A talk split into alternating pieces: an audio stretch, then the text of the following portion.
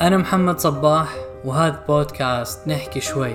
في هذا البودكاست راح نتناول مواضيع مهمة جريئة أحيانا مزعجة.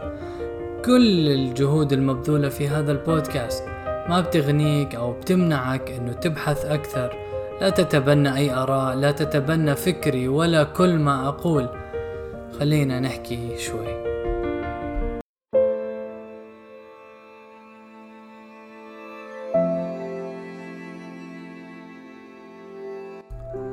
في يوميات 10 مايو من عام 1834 كتب رمز الأدب الروسي الحديث ومؤسسه ألكسندر سيرجيفيتش.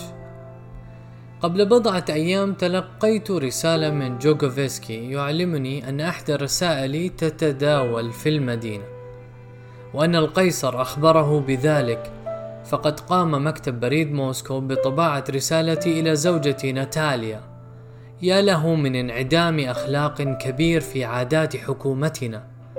تقوم الشرطة بطباعة رسائل الزوج إلى زوجته وتسلمها إلى القيصر الرجل المهذب والشريف لقراءتها والقيصر لا يخجل من الاعتراف بذلك. ولم تكن السلطات تجد حرجا في ذلك فلا وجود للمروءة في أنظمة الرقابة الحديثة. وقد تأثر بوشكين بهذه الحادثة وبقي لفترة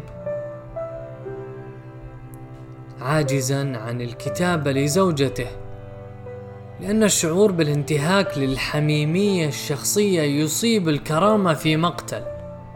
بعد هذه الحادثة بقرن ونصف تقريبا وتحديدا في عام 1979 ميلادي اكتشف بالصدفة كريستا فولف وهي كاتبة من ألمانيا الشرقية أنها تخضع لرقابة شديدة من أمن الدولة أو الشرطة السياسية السرية. وبعد ذلك حاولت أن تسجل خيالاتها عن شعور الكاتب بالمراقبة والوساوس ودوافع العزلة التي تنتاب الملاحقين في روايتها القصيرة ما يبقى وكتبت الآتي. منذ متى لم أعد أكتب رسائل حميمية وبلا تكلف؟ ومتى بدأ زمن رسائل كأن؟ عندما قررت أن أكتب وكأن أحدا لا يعترض طريق الرسائل لم أكن أعرف.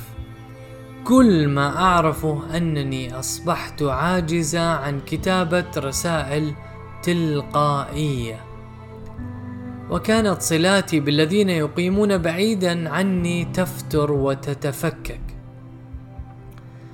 بعد اكتشافها للرقابة لم تترك فولف الكتابة كما فعل بوشكين بل وقعت في الأسوأ وتركت قصرا العفوية واضطرت إلى التكلف وتتابع ذلك حتى أصبحت كالعادة. ويبدو لي أن الكثيرين اليوم مثل فولف أدركوا يوما ما العيون البيجاسوسية التي تحيط بالمجال الافتراضي العام واضطروا للتكلف والتظاهر وكأنه لا وجود لتلك العيون ليس السياسية والأمنية فقط بل عيون الاعتراف وعدسات الانتهاك العمومي. كم؟